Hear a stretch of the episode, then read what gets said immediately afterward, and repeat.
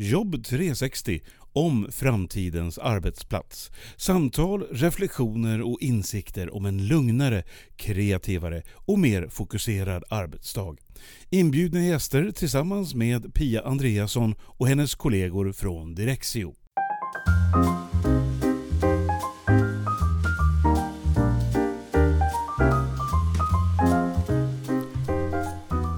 Ska jag träffa Theodora Malmström ifrån Microsoft. Och anledningen till att jag vill träffa henne är att hon hjälper företag och organisationer att förstå bättre hur man använder Microsoft Teams eh, samarbetsplattform som ju heter Teams också.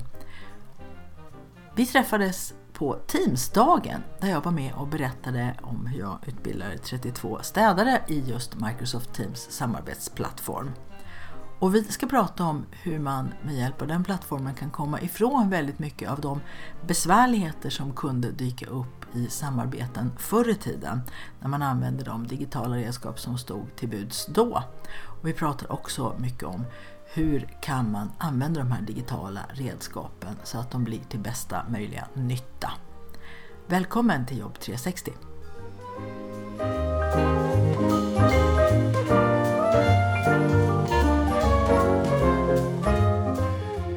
Välkommen till podden Theodora Malmström ifrån Microsoft.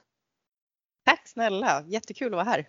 Och idag ska vi nörda ner oss lite i, i Microsoft Teams faktiskt. Den här underbara samarbetsplattformen som finns för samarbete och som även ibland förväxlas med mötesfunktionen Teams som då råkar heta samma sak. Det där är lite förvirring ibland till det. Men vi kanske kommer att eh, prata lite om båda de två funktionerna. Förr i tiden, innan vi hade möjlighet att använda Microsoft Teams-plattformen så var det en del saker som kunde stöka till det för oss i vårt vanliga arbete när det gällde möten och samverkan och, och mejltrådar som kom och allt möjligt sånt. Så jag tänkte vi ska prata om hur kan det underlätta att samarbeta i, i Microsoft plattformen. Berätta lite här på en gång, vilka är dina spontana tankar? På vilket sätt underlättar det att ha den här plattformen och jobba i ett team? Alltså det här är ju ett fantastiskt roligt ämne och jordens bredaste fråga idag. Men om man ändå ska försöka få ut liksom kärnan av det så skulle jag vilja säga att det som många ibland får för sig är att Teams bara är en ny version av Skype for Business eller Skype. Och Skype är ju väldigt välkänd eh, ja, men för att vi ska kunna ringa och ha videosamtal och chatta med varandra. Men det som kanske inte är helt självklart för alla är att Teams är så otroligt mycket mer än bara den här videofunktionen eller den här chattfunktionen som vi har pratat om. Utan Teams är ju ett samarbetsverktyg. Och vad betyder det? Jo, team heter ju liksom grupper, team. Där medarbetare, gruppering, avdelningar, man kan ju välja hur man vill avdela det här, kan samarbeta i ett projekt eller generellt i team. Det är ju liksom öppet för precis hur man vill arbeta med vad som passar dig som person, er som grupp, er som organisation, hur man än vill ha det helt enkelt. Och där så stöttar ju Teams med att kunna samla allting på ett ställe. Man har konversationen som vi redan har pratat om i form av att man chattar med varandra i gruppen, man har sina veckomöten om man har, om man har det. Det som också är jätteviktigt är att man flödar in andra delar. Man har sina dokument som, det, som är relevant för den här grupperingen. Det kan ju vara alltifrån liksom styrdokument, det kan vara att ja, men nu håller vi på med en projektplan då alla kan gå in och samarbeta i det här dokumentet. Det finns i det här teamet, i den här kanalen så att allting är liksom samlat på ett och samma ställe. Det blir ju också en mycket, mycket bättre flöde för man behöver inte bekymra sig om liksom, vad ska man säga, versionshistorik. Om man jämför det med ett ganska vanligt samarbetsverktyg som ju är mejlen. Då är det ju att man skickar ett mejl och så svarar någon men medans du höll på att svara och så skickar du och så blir det en väldigt konstig ordning i den här mejltråden. Och ibland så eh, brukar i alla fall jag råka ut för att man faktiskt man missar att någon skickade. Så att ett mejlsvar eller en del av den här konversationen syns inte eller kommer inte med. Det här är ju det som egentligen löses med Teams. Man behöver inte oroa sig. Ah, okej, okay, men var det rätt version? Var det den senaste versionen av det här dokumentet jag skickade? Det behöver man inte liksom bry sig om för att det här uppdateras ju automatiskt hela tiden. Man går in och skriver någonting eller gör någonting i dokumentet. Dokumentet kan ju, kan, man behöver inte, men kan ju då vara tillgängligt för alla i den här gruppen att kunna gå in och skriva ner sina tankar, idéer eller perspektiv på det här projektet. Det finns bara en version och den är alltid senast uppdaterad. Där har du ju verkligen en fördel att vi kan slippa stök som vi hade förut, det här med versionshanteringar. Man försökte ibland att ge olika namn på dokument. Man tänkte sig kanske att någon skulle kika på när det var tillverkat. Eh, och i värsta fall så låg det ju tre olika versioner med olika tillverkningsdatum. Kanske visserligen i rätt mapp, men man råkade öppna fel. Sen så är du också inne på en viktig sak som jag hela tiden tjatar om i mina kurser. Att var och en person ska tänka på. Det är att ha all information samlad på ett ställe. Så mycket det bara går. Så att när jag kliver in i ett visst sammanhang, om det så ett möte eller om jag själv ska sätta mig och jobba med någonting, att jag har så mycket information och inflöde som möjligt på samma ställe. Mm. Det är väldigt bökigt om man ska sätta sig och börja jobba och så måste man första halvtimmen då leta reda på fyra stycken mejl som man har fått i frågan med kanske sju, åtta olika dokument som ingår i detta. Och så ska jag försöka komma på hur ska jag då hantera de här dokumenten så att jag har koll. Och så kanske jag sparar ner dem i min egen mapp och så måste jag hela tiden hålla koll på inflödet där. Plus mina egna anteckningar då som kan ju vara både digitala och fysiska. Och till det kommer det där som du nämnde då, den här lite, lite versionsoro. Mm. Eller lagt till någonting här nu sen han mejlade till mig i förra veckan. Man sitter hela tiden då med en liten osäkerhetsfaktor. Så de bitarna kan man då komma ifrån och nå upp det. Att man har information så mycket det bara går på samma ställe där den hör hemma. Plus att man vet att det här är senaste versionen då av, av allt som jag behöver ha. Och där blir ju samarbetet helt annorlunda. På något sätt så kan man ju se att med team så kan man ju, om man vill som sagt, gå ifrån det här sättet att arbeta som vi gjorde förr, att vi behövde boka möten och så arbetar vi i möten. Man har ingen aning om vad någon har gjort under tiden. Har eh, Kalle gjort det han sa? Fick han svar från det? Eh, ja, jag kanske bäst jag skickar ett mejl och då kanske bara jag får den informationen medan det här skulle vara relevant för resten av gruppen. När man samlar allt det här på ett och samma ställe då blir det ju också det här mer effektiva arbetet mellan mötena. Mötena skulle man ju till exempel bara kunna ha för att ta beslut.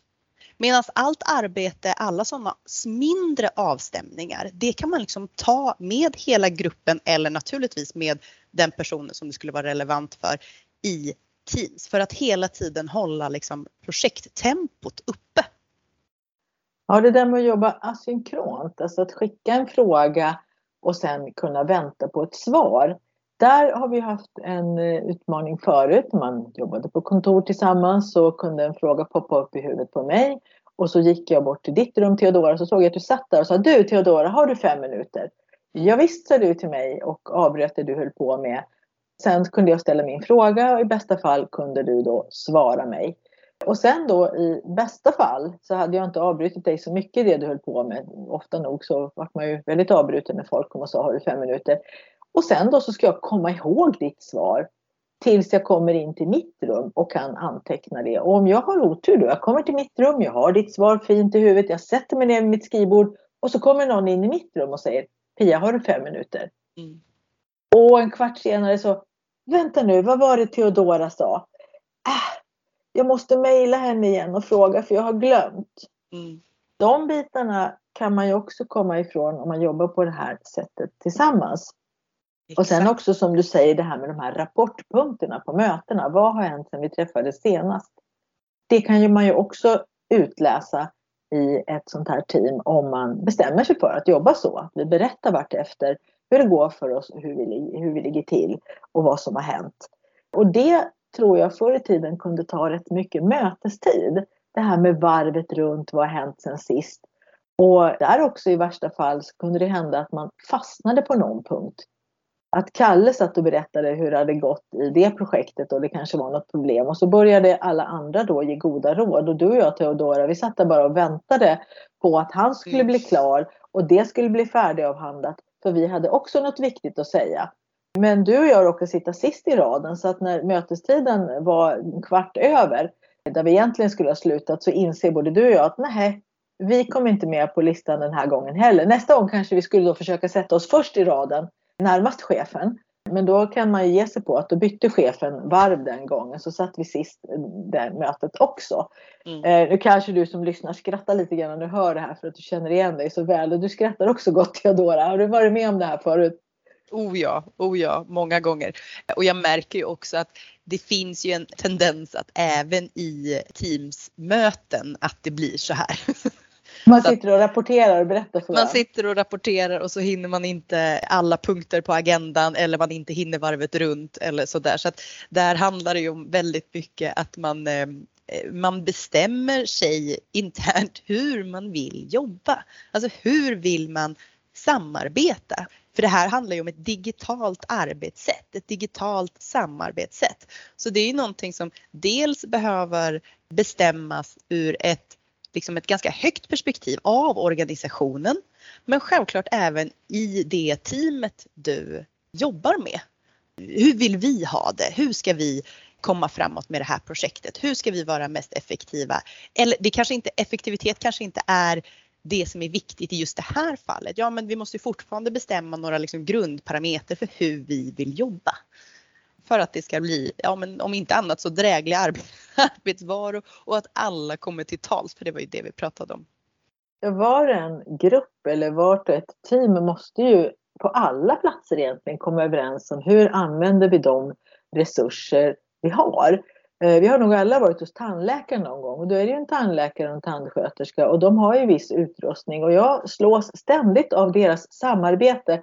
De har ju en ganska knepig situation och ska liksom kanske in i någon av mina kindtänder. Det är ganska trångt och, och bökigt där. Och jag blir så fascinerad över hur de ändå lyckas samarbeta och hela tiden ta rätt redskap utifrån exakt det de behöver göra just nu för att mina tänder ska må så bra som möjligt. Men det är ju för att de har kommit överens om det här. Hur de ska fördela uppgifterna och vilka redskap som de ska använda i vilket läge. Så det är egentligen inget annat tänk än det som man behöver ha när man jobbar tillsammans digitalt. Vi behöver fundera på vad har vi för resurser och hur använder vi dem gemensamt det är huvudet på spiken och jag tror att för vem som helst som sitter här och lyssnar så är det här helt självklart när man går till kontoret. Att det finns en typ av arbetskultur, det sitter i väggarna att så här gör vi här. Det kan ju vara antingen för hela företaget eller för avdelningen eller lite både och. Det lär man sig när man börjar på en ny arbetsplats, att så här funkar det här. Det som skedde nu framför allt när pandemin liksom drog oss alla hemåt och vi liksom mer eller mindre från en dag till en annan behövde liksom digitalisera våra arbetssätt och jobba hemifrån. Många där ute, inte alla men många där ute. Det var ju att vi inte hade en klar plan för så här, okej okay, men hur sköter vi arbetet digitalt? Vad är liksom kutymen nu? Hur gör vi det här? Och att det inte pratades om. Och det tycker jag att man ser än idag. Nu, har vi ju, nu är vi ju inne på snart, vad blir det, år tre snart här av pandemin så jag tror att många har landat i det. Men jag kan säga många av, av organisationerna som, som vi på Microsoft jobbar med så var det här jättestökigt och jättestökigt väldigt länge för att det var ingen som tog tag i det här problemet. Det var ingen som berättade att så här gör vi utan alla fick liksom lösa det lite bäst de kunde, bäst de ville vilket ju blev att många organisationer såg väldigt liksom internt väldigt olika ut beroende på team eller avdelning. Ja, beroende på ledarskap, vem som liksom tänkte att men det här är nog över på några veckor, vi gör väl det här tillfälligt då och andra som kanske såg att men oavsett hur länge det håller på så måste vi göra det bästa av det och vad har vi då för möjligheter? Och sen också som jag ser det, det här kunskaps bristen som jag ser. Alltså att människor kan inte ta till sig och använda de här sakerna för att de har inte kunskap. Och då handlar det inte bara om kunskap i vad kan man då göra i ett team? Hur är ett team upplagt och det här med kanaler och allting. Allt sånt där praktisk funktion. Utan det handlar ju om, jag brukar jämföra med ett körkort. Alltså en person kan ju veta hur mycket som helst om en bil och hur, hur bränslet eh, bränns upp där och bilen går framåt och drivaxlar och allting sånt där som jag inte kan ett dugg om. Det kan man veta. Men det är inte säkert att man har ett körkort för det, att man förstår vad ska vi ha bilen till. Åker vi bara till, till matbutiken en gång i veckan och handlar vår mat eller gör vi långa semestrar eller är det någon av oss som har det för att åka fram och tillbaka till jobbet och när behöver man sätta på vinterdäcken och hur gör man då? Alltså det praktiska handhavandet det var ju det som jag tyckte saknades mycket och fortfarande saknas mycket. Mm. Och, och sen är ju nästa steg då när alla har kunskap. Det är då man kan börja fundera på hur ska vi använda de här redskapen då tillsammans. Jag tänkte på en annan sak som du sa, det där att man kan jobba effektivt mellan mötena. Och då undrar jag, tror du att det kan vara lite känsligt med just den möjligheten att man kan, både kan och kanske förväntas då rapportera in mellan mötena, alltså berätta för teamet hur går det för mig? För jag kan tänka mig att förr i tiden, då kunde en pratkvarn som jag komma undan eh, med att jag kanske inte hade gjort det jag skulle för jag kunde liksom svamla bort det på mötet och få det att låta som att jag hade gjort väldigt mycket fancy och bra saker. Och så du då Theodora som hade gjort allt du skulle, du fick inte ens chansen att berätta att ah, men jag har gjort allting, jag är klar, lalala. Och så framstod jag då som stjärnan och du som verkligen har gjort jobbet, du fick inte ens komma till tals. Kan det vara så att människor är lite rädda för att, att rapportera på riktigt så att säga? Absolut, det, det, tror jag har jättemycket med vad man har för kultur på sitt företag och i sitt team att göra naturligtvis.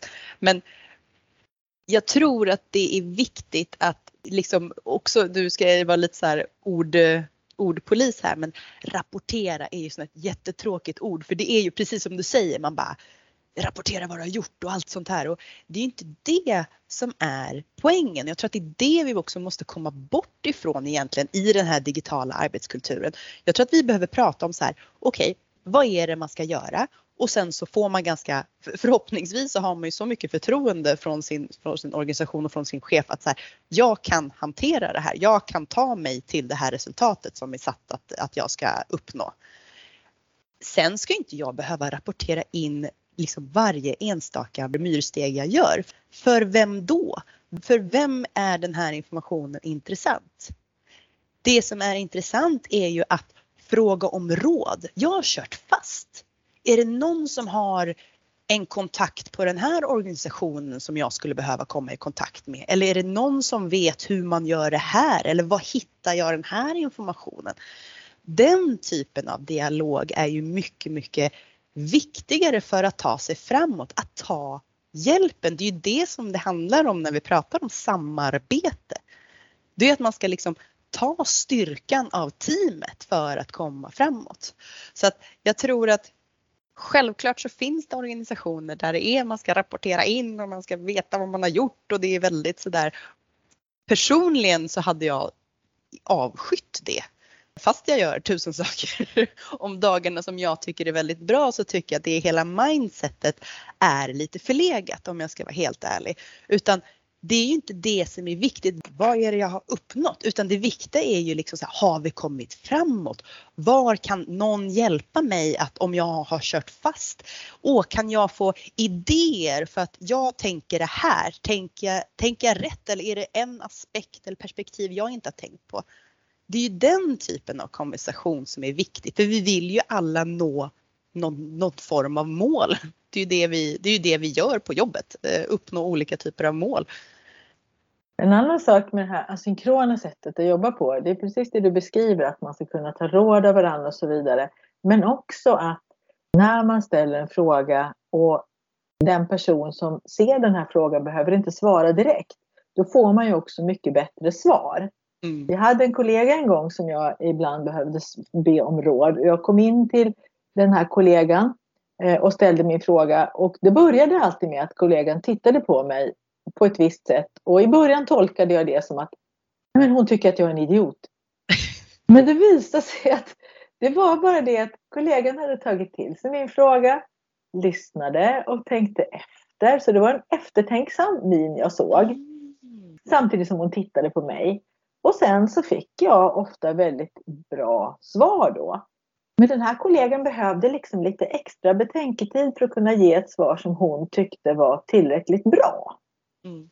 Och just det här när man, man kommunicerar asynkront så kan ju de som är snabba och kan ge snabba och bra svar, de bara knattrar ner det och sen ligger det där synligt för alla. Det är det som är bra. Det är inte bara den som frågar som får svaret utan alla ser ju det. Det är en superviktig aspekt av det här. Men också de som gärna grunnar lite grann och kommer med mer eftertänksamhet vid senare tillfälle då när de har tid att sitta och göra sitt tänk. Och då får man ju både snabb input från de som kan svara snabbt och lite mer eftertänksamhet från de som kan vara lite mer eftertänksamma och ge grundligare svar.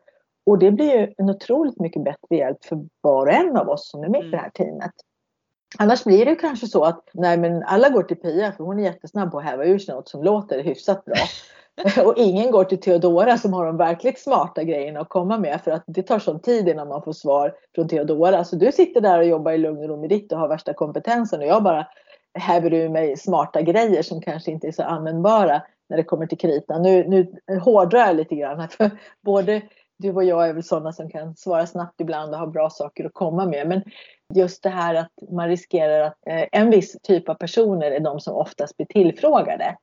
Och en annan typ av personer kanske inte lika ofta får de här frågorna fastän de har också väldigt mycket bra saker att komma med. Så vi har mycket att hämta i den här asynkrona kommunikationen som då sker digitalt. Vad ser du för utmaningar då när man ska ha de här samtalen om hur ska vi använda våra digitala redskap till ett bra samarbete?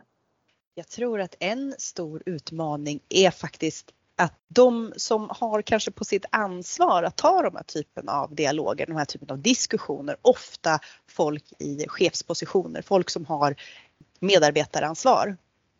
Att de faktiskt kanske inte vet själva vad för frågor som är viktiga.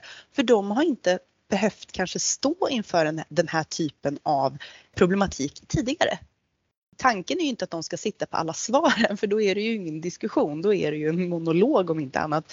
Utan tanken är att man ska liksom prata om så här, men okej, okay, men hur jobbar vi nu när alla jobbar hemifrån och jobbar på distans? Vilka tider? Är det okej okay att skicka mejl klockan fem på morgonen. Alltså sådana saker. Så här, de typerna av frågorna. Liksom så här, men, men kära team, hur ska vi göra det här? Hur mm, ska vi rapportera in det här? Vad vi har gjort eller vad det nu kan. Det beror så otroligt mycket på i vilken bransch vi pratar om. Men att vi ser en, och när jag säger vi så har vi studier på det här som vi har tagit fram på Microsoft, men att vi ser att det är väldigt många i en ledande roll som inte vet och kanske inte vågar ta ens den här dialogen. Så att där är ju liksom egentligen steg ett att tar man inte den här dialogen, men då blir det här som vi har pratat om, att det blir lite hipp som haps, det blir lite olika och att det tar väldigt lång tid för människor att förstå hur hantera, alltså hur jobbar vi digitalt? Och som du säger, det har inte med de tekniska förutsättningarna att göra. Det är inte det vi pratar om. Hur fungerar Teams? Det är inte det jag pratar om utan det handlar mer om hur jobbar, hur jobbar vi digitalt? Jag vet inte hur jag ska förklara det riktigt utan Ska man ringa? Ska man pinga? Ska man skriva i kanalen? När jag säger pinga är alltså ett chattmeddelande jag menar. Ska man skriva till en person? Ska man skriva till alla? Ska man, när gör man vad? Och varför? De typerna av frågeställningar ser vi att många inte tar upp för att de kanske inte vågar och kanske inte har kunskapen. Precis, det här är någonting som jag stöter på också ofta. Min eh, tredje kursdag, jag har ju tre kursdagar med, med en månad mellan varje halvdagar. Då har jag hela kursdag tre handlar just om att prata om de här sakerna. Eh, nåbarhet och kommunikation. Och det blir alltid de här frågorna som dyker upp och man kommer fram till ungefär det du sa. Vi behöver prata om hur vi kommunicerar med varandra och vi behöver prata om vilka som måste vara till hands och för vilka de måste finnas till hands ifall verksamheten ska fungera. Så det, det är steg ett. Och jag kan tänka mig att i vissa fall så handlar det om att de här cheferna inte känner att de är tillräckligt kunniga för att kunna ta upp frågan. Och de kanske anar då att det finns lite olika synpunkter ute i arbetsgrupperna och så låter de vara en enhet eller vara en grupp sköta sig lite själva så länge det funkar. Sen brukar jag också tänka att de här cheferna som borde ta itu med det här, de har ju oftast inte något stöd en bit längre upp då i strategier, det som vi var inne på förut. Därför att de är ensamma, de ska drifta sin verksamhet och det här med de digitala redskapen och samarbetsrutinerna och så, det är någonting som de förväntas lösa vid sidan om det ordinarie uppdraget då som kan vara att drifta en äldreomsorg eller se till att alla förskolebarn har en vettig förskola eller att alla skolbarn får mat. Jag tar nu exempel från offentlig sektor i och med att där jobbar jag ofta. Och sen har man ju miljö och hälsoskydd, man har samhällsbyggnad, man har de här som ska se till att vatten och avlopp funkar. Och det är det som är deras huvudfokus. Så jag tycker inte att de ska behöva egentligen tänka så mycket på de tekniska redskapen och de här samarbetsmöjligheterna utan där ska de få service från sin organisation. Det är min tanke. Vad mm. tänker du om det Theodora? Nej men jag håller, jag håller helt med. Jag, alltså verkligen. Där var vi ju också inne på lite tidigare under det här samtalet att många organisationer, nu pratar jag verkligen högsta ledningsgruppen, de har inte, eller hade kanske framförallt inte strategier för det här utan det var någonting som, som du säger, organisationen bara skulle lösa. Och då är det ju jätte, det är, alltså det är jättesvårt för att man, som du säger, man har ett, ett annat huvudansvar, ett annat jobb att göra som är ens primära mål, det man är liksom anställd för. De här delarna är ju jätteviktiga också för det handlar ju om liksom medarbetarhälsa egentligen för det är ju liksom arbetsmiljön fast digitalt. Absolut. Eh, Ibland brukar jag jämföra med om man, det som att, man gör det idag när man tillhandahåller digitala redskap. Det är som att ställa tio Ferrarisar utanför porten med nyckeln i. Och sen säger man att nu har vi köpt Ferrarisar här så ni kan ju testa lite om ni känner för det. Och så den ena delen av organisationen kraschar högst omgående, den andra delen av organisationen går det jättefort och bra för. Och så börjar man fundera på vad är det för fel på de här som kraschar? Istället för att fundera på de här som, som lyckades. Vad berodde det på? Jo, de råkade ha körkort allihopa på den avdelningen så därför gick det så fort. Och de andra hade inget körkort och därför så, så kraschade den här dyra bilen. Nu ja, kanske men... inte det händer i den digitala världen men just med tanke på att man erbjuder en typ av användbarhet och sen funderar man inte på vad har folk för förkunskaper och, och för möjlighet att utnyttja detta. Exakt, för det här liksom, om man tar en organisation som exempel att när, man, när vi pratar om arbetsmiljö, vems ansvar är det? Är det varje enskild chef att det ska vara rätt temperatur och det ska vara rätt luftfuktighet och man ska ha ja, men rätt möbler, exakt. Ja. Eh, det ska vara handikappanpassat eh, och diverse. Är det varje avdelning eller varje liksom enhet? Är det upp till dem?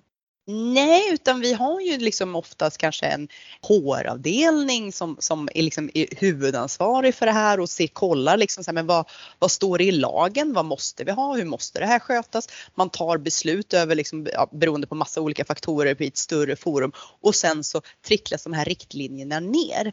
Hur kan vi inte ha gjort samma sak med den digitala arbetsmiljön? Och det är ju det, för det är ju det vi pratar om egentligen och det är ju det som är både väldigt intressant men också lite oroväckande ibland att man inte prioriterar den digitala arbetsmiljön lika högt eller lika mycket som den fysiska arbetsmiljön.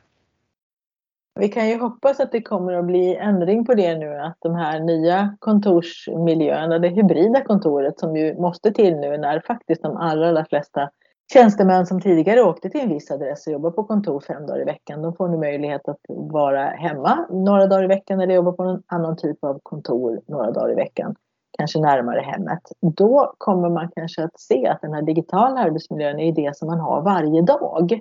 Mm. Och då hoppas i alla fall jag att det ska bli lite mera tyngd på det och inte bara när det gäller driftsäkerhet då, att det ska funka när man loggar in varje dag och så, utan också att man ska kunna hantera sina sina redskap på ett rimligt sätt. Ibland jämför jag det med en maskinpark, liksom, att det kanske står en Ferrari, en grävskopa, en cykel och en transportfordon.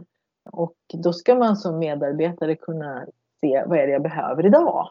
Mm. Och behöver jag gräva ett hål så ska man kunna veta med sig, kan jag hantera grävskopan? Vi har en sån, men, men kanske jag måste be om hjälp. Eller jag kommer att behöva gräva massor med hål här framöver. Då kanske jag faktiskt behöver lära mig mer om den här grävskopan. Jag har ju hört väldigt många personer som eh, har fått inbjudan till team och vara med i ett team. Och ibland så förstår man inte att man behöver tacka ja till inbjudan. Ibland tackar man ja och förstår sen inte vad man ska göra där för det är inte uttalat. Men jag har faktiskt talat om en person eh, som fick en sån här inbjudan. Och hon sa till sin chef, jag har fått en inbjudan här till Microsoft Teams, vad är det för något? Ja men det är någonting nytt som vi har. Jag har ingen aning om vad det här är. Jag kräver att få veta det. Finns det någon kurs eller finns det något jag kan få lära mig?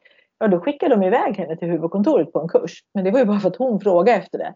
Mm. Sen kom hon tillbaka. Ja, men nu, nu vet jag vad det här är för någonting. Nu, nu kan jag fatta vad ett team är och vad jag ska göra där och, och använda det på rätt sätt.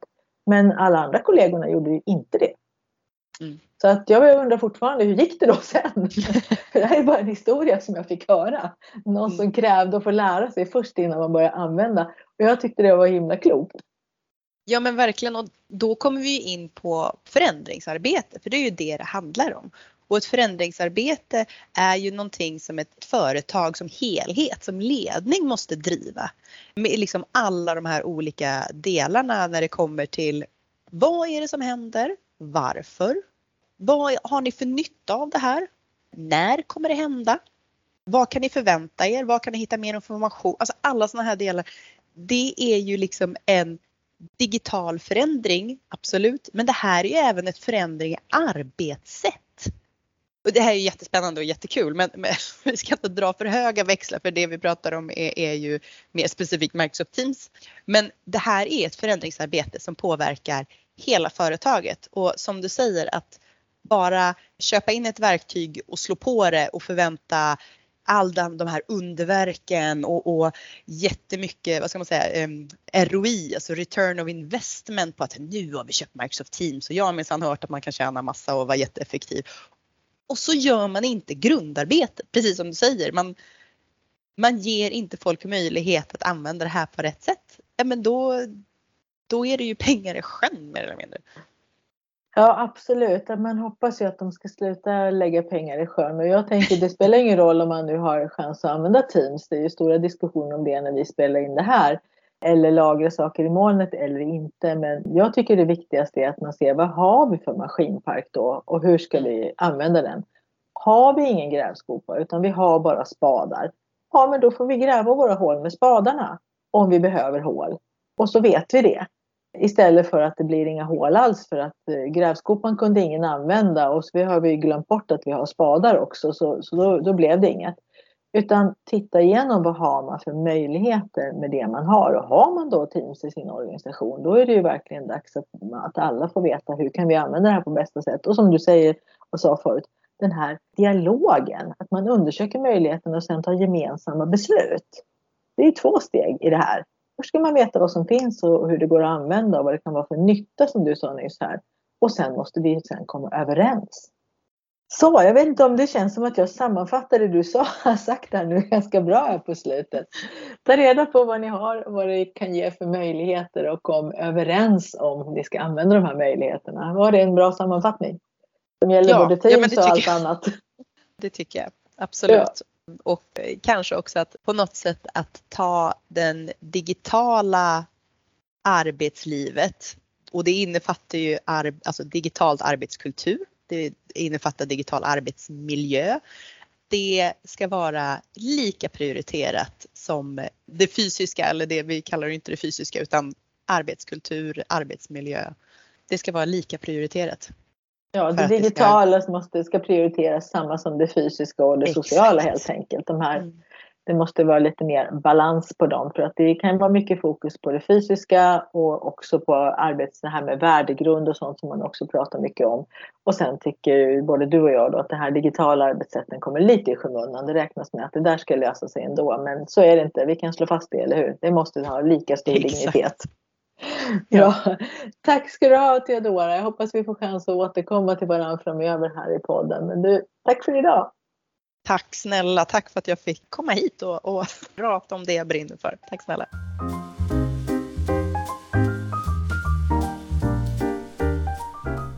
Att företag och organisationer behöver en strategi för hur man ska använda de digitala redskap som står till buds, det var Theodora och jag väldigt överens om. Och det tycker jag är det viktigaste av allt. Först måste ju förstås så många människor som möjligt i organisationen få kunskaper och insikter om vad, vad har vi för digitala redskap och vad är det tanken att de ska ge oss för hjälp och stöd. Och sen som ett nästa steg behöver man prata ihop sig tillsammans. Vad kan vi då göra för att använda de här redskapen? Och en väldigt viktig sak som Theodora och jag också var överens om. Man behöver ha stöd från strategiskt håll. Det duger inte att vara en avdelning eller förvaltning ska uppfinna hjulet själva. Utan man behöver ha råd och riktlinjer och även anvisningar från lite högre ort. Så upp med de här frågorna i ledningsgruppen. Hur ska vi använda de digitala redskap som vi har till buds? Och vad är det tanken att det ska vara för nytta med dem? Vad ska det ge för resultat? Det tänker jag att du ska ta med dig från det här samtalet. Tack Theodora att du ville vara med och tack till dig som lyssnar på Jobb 360.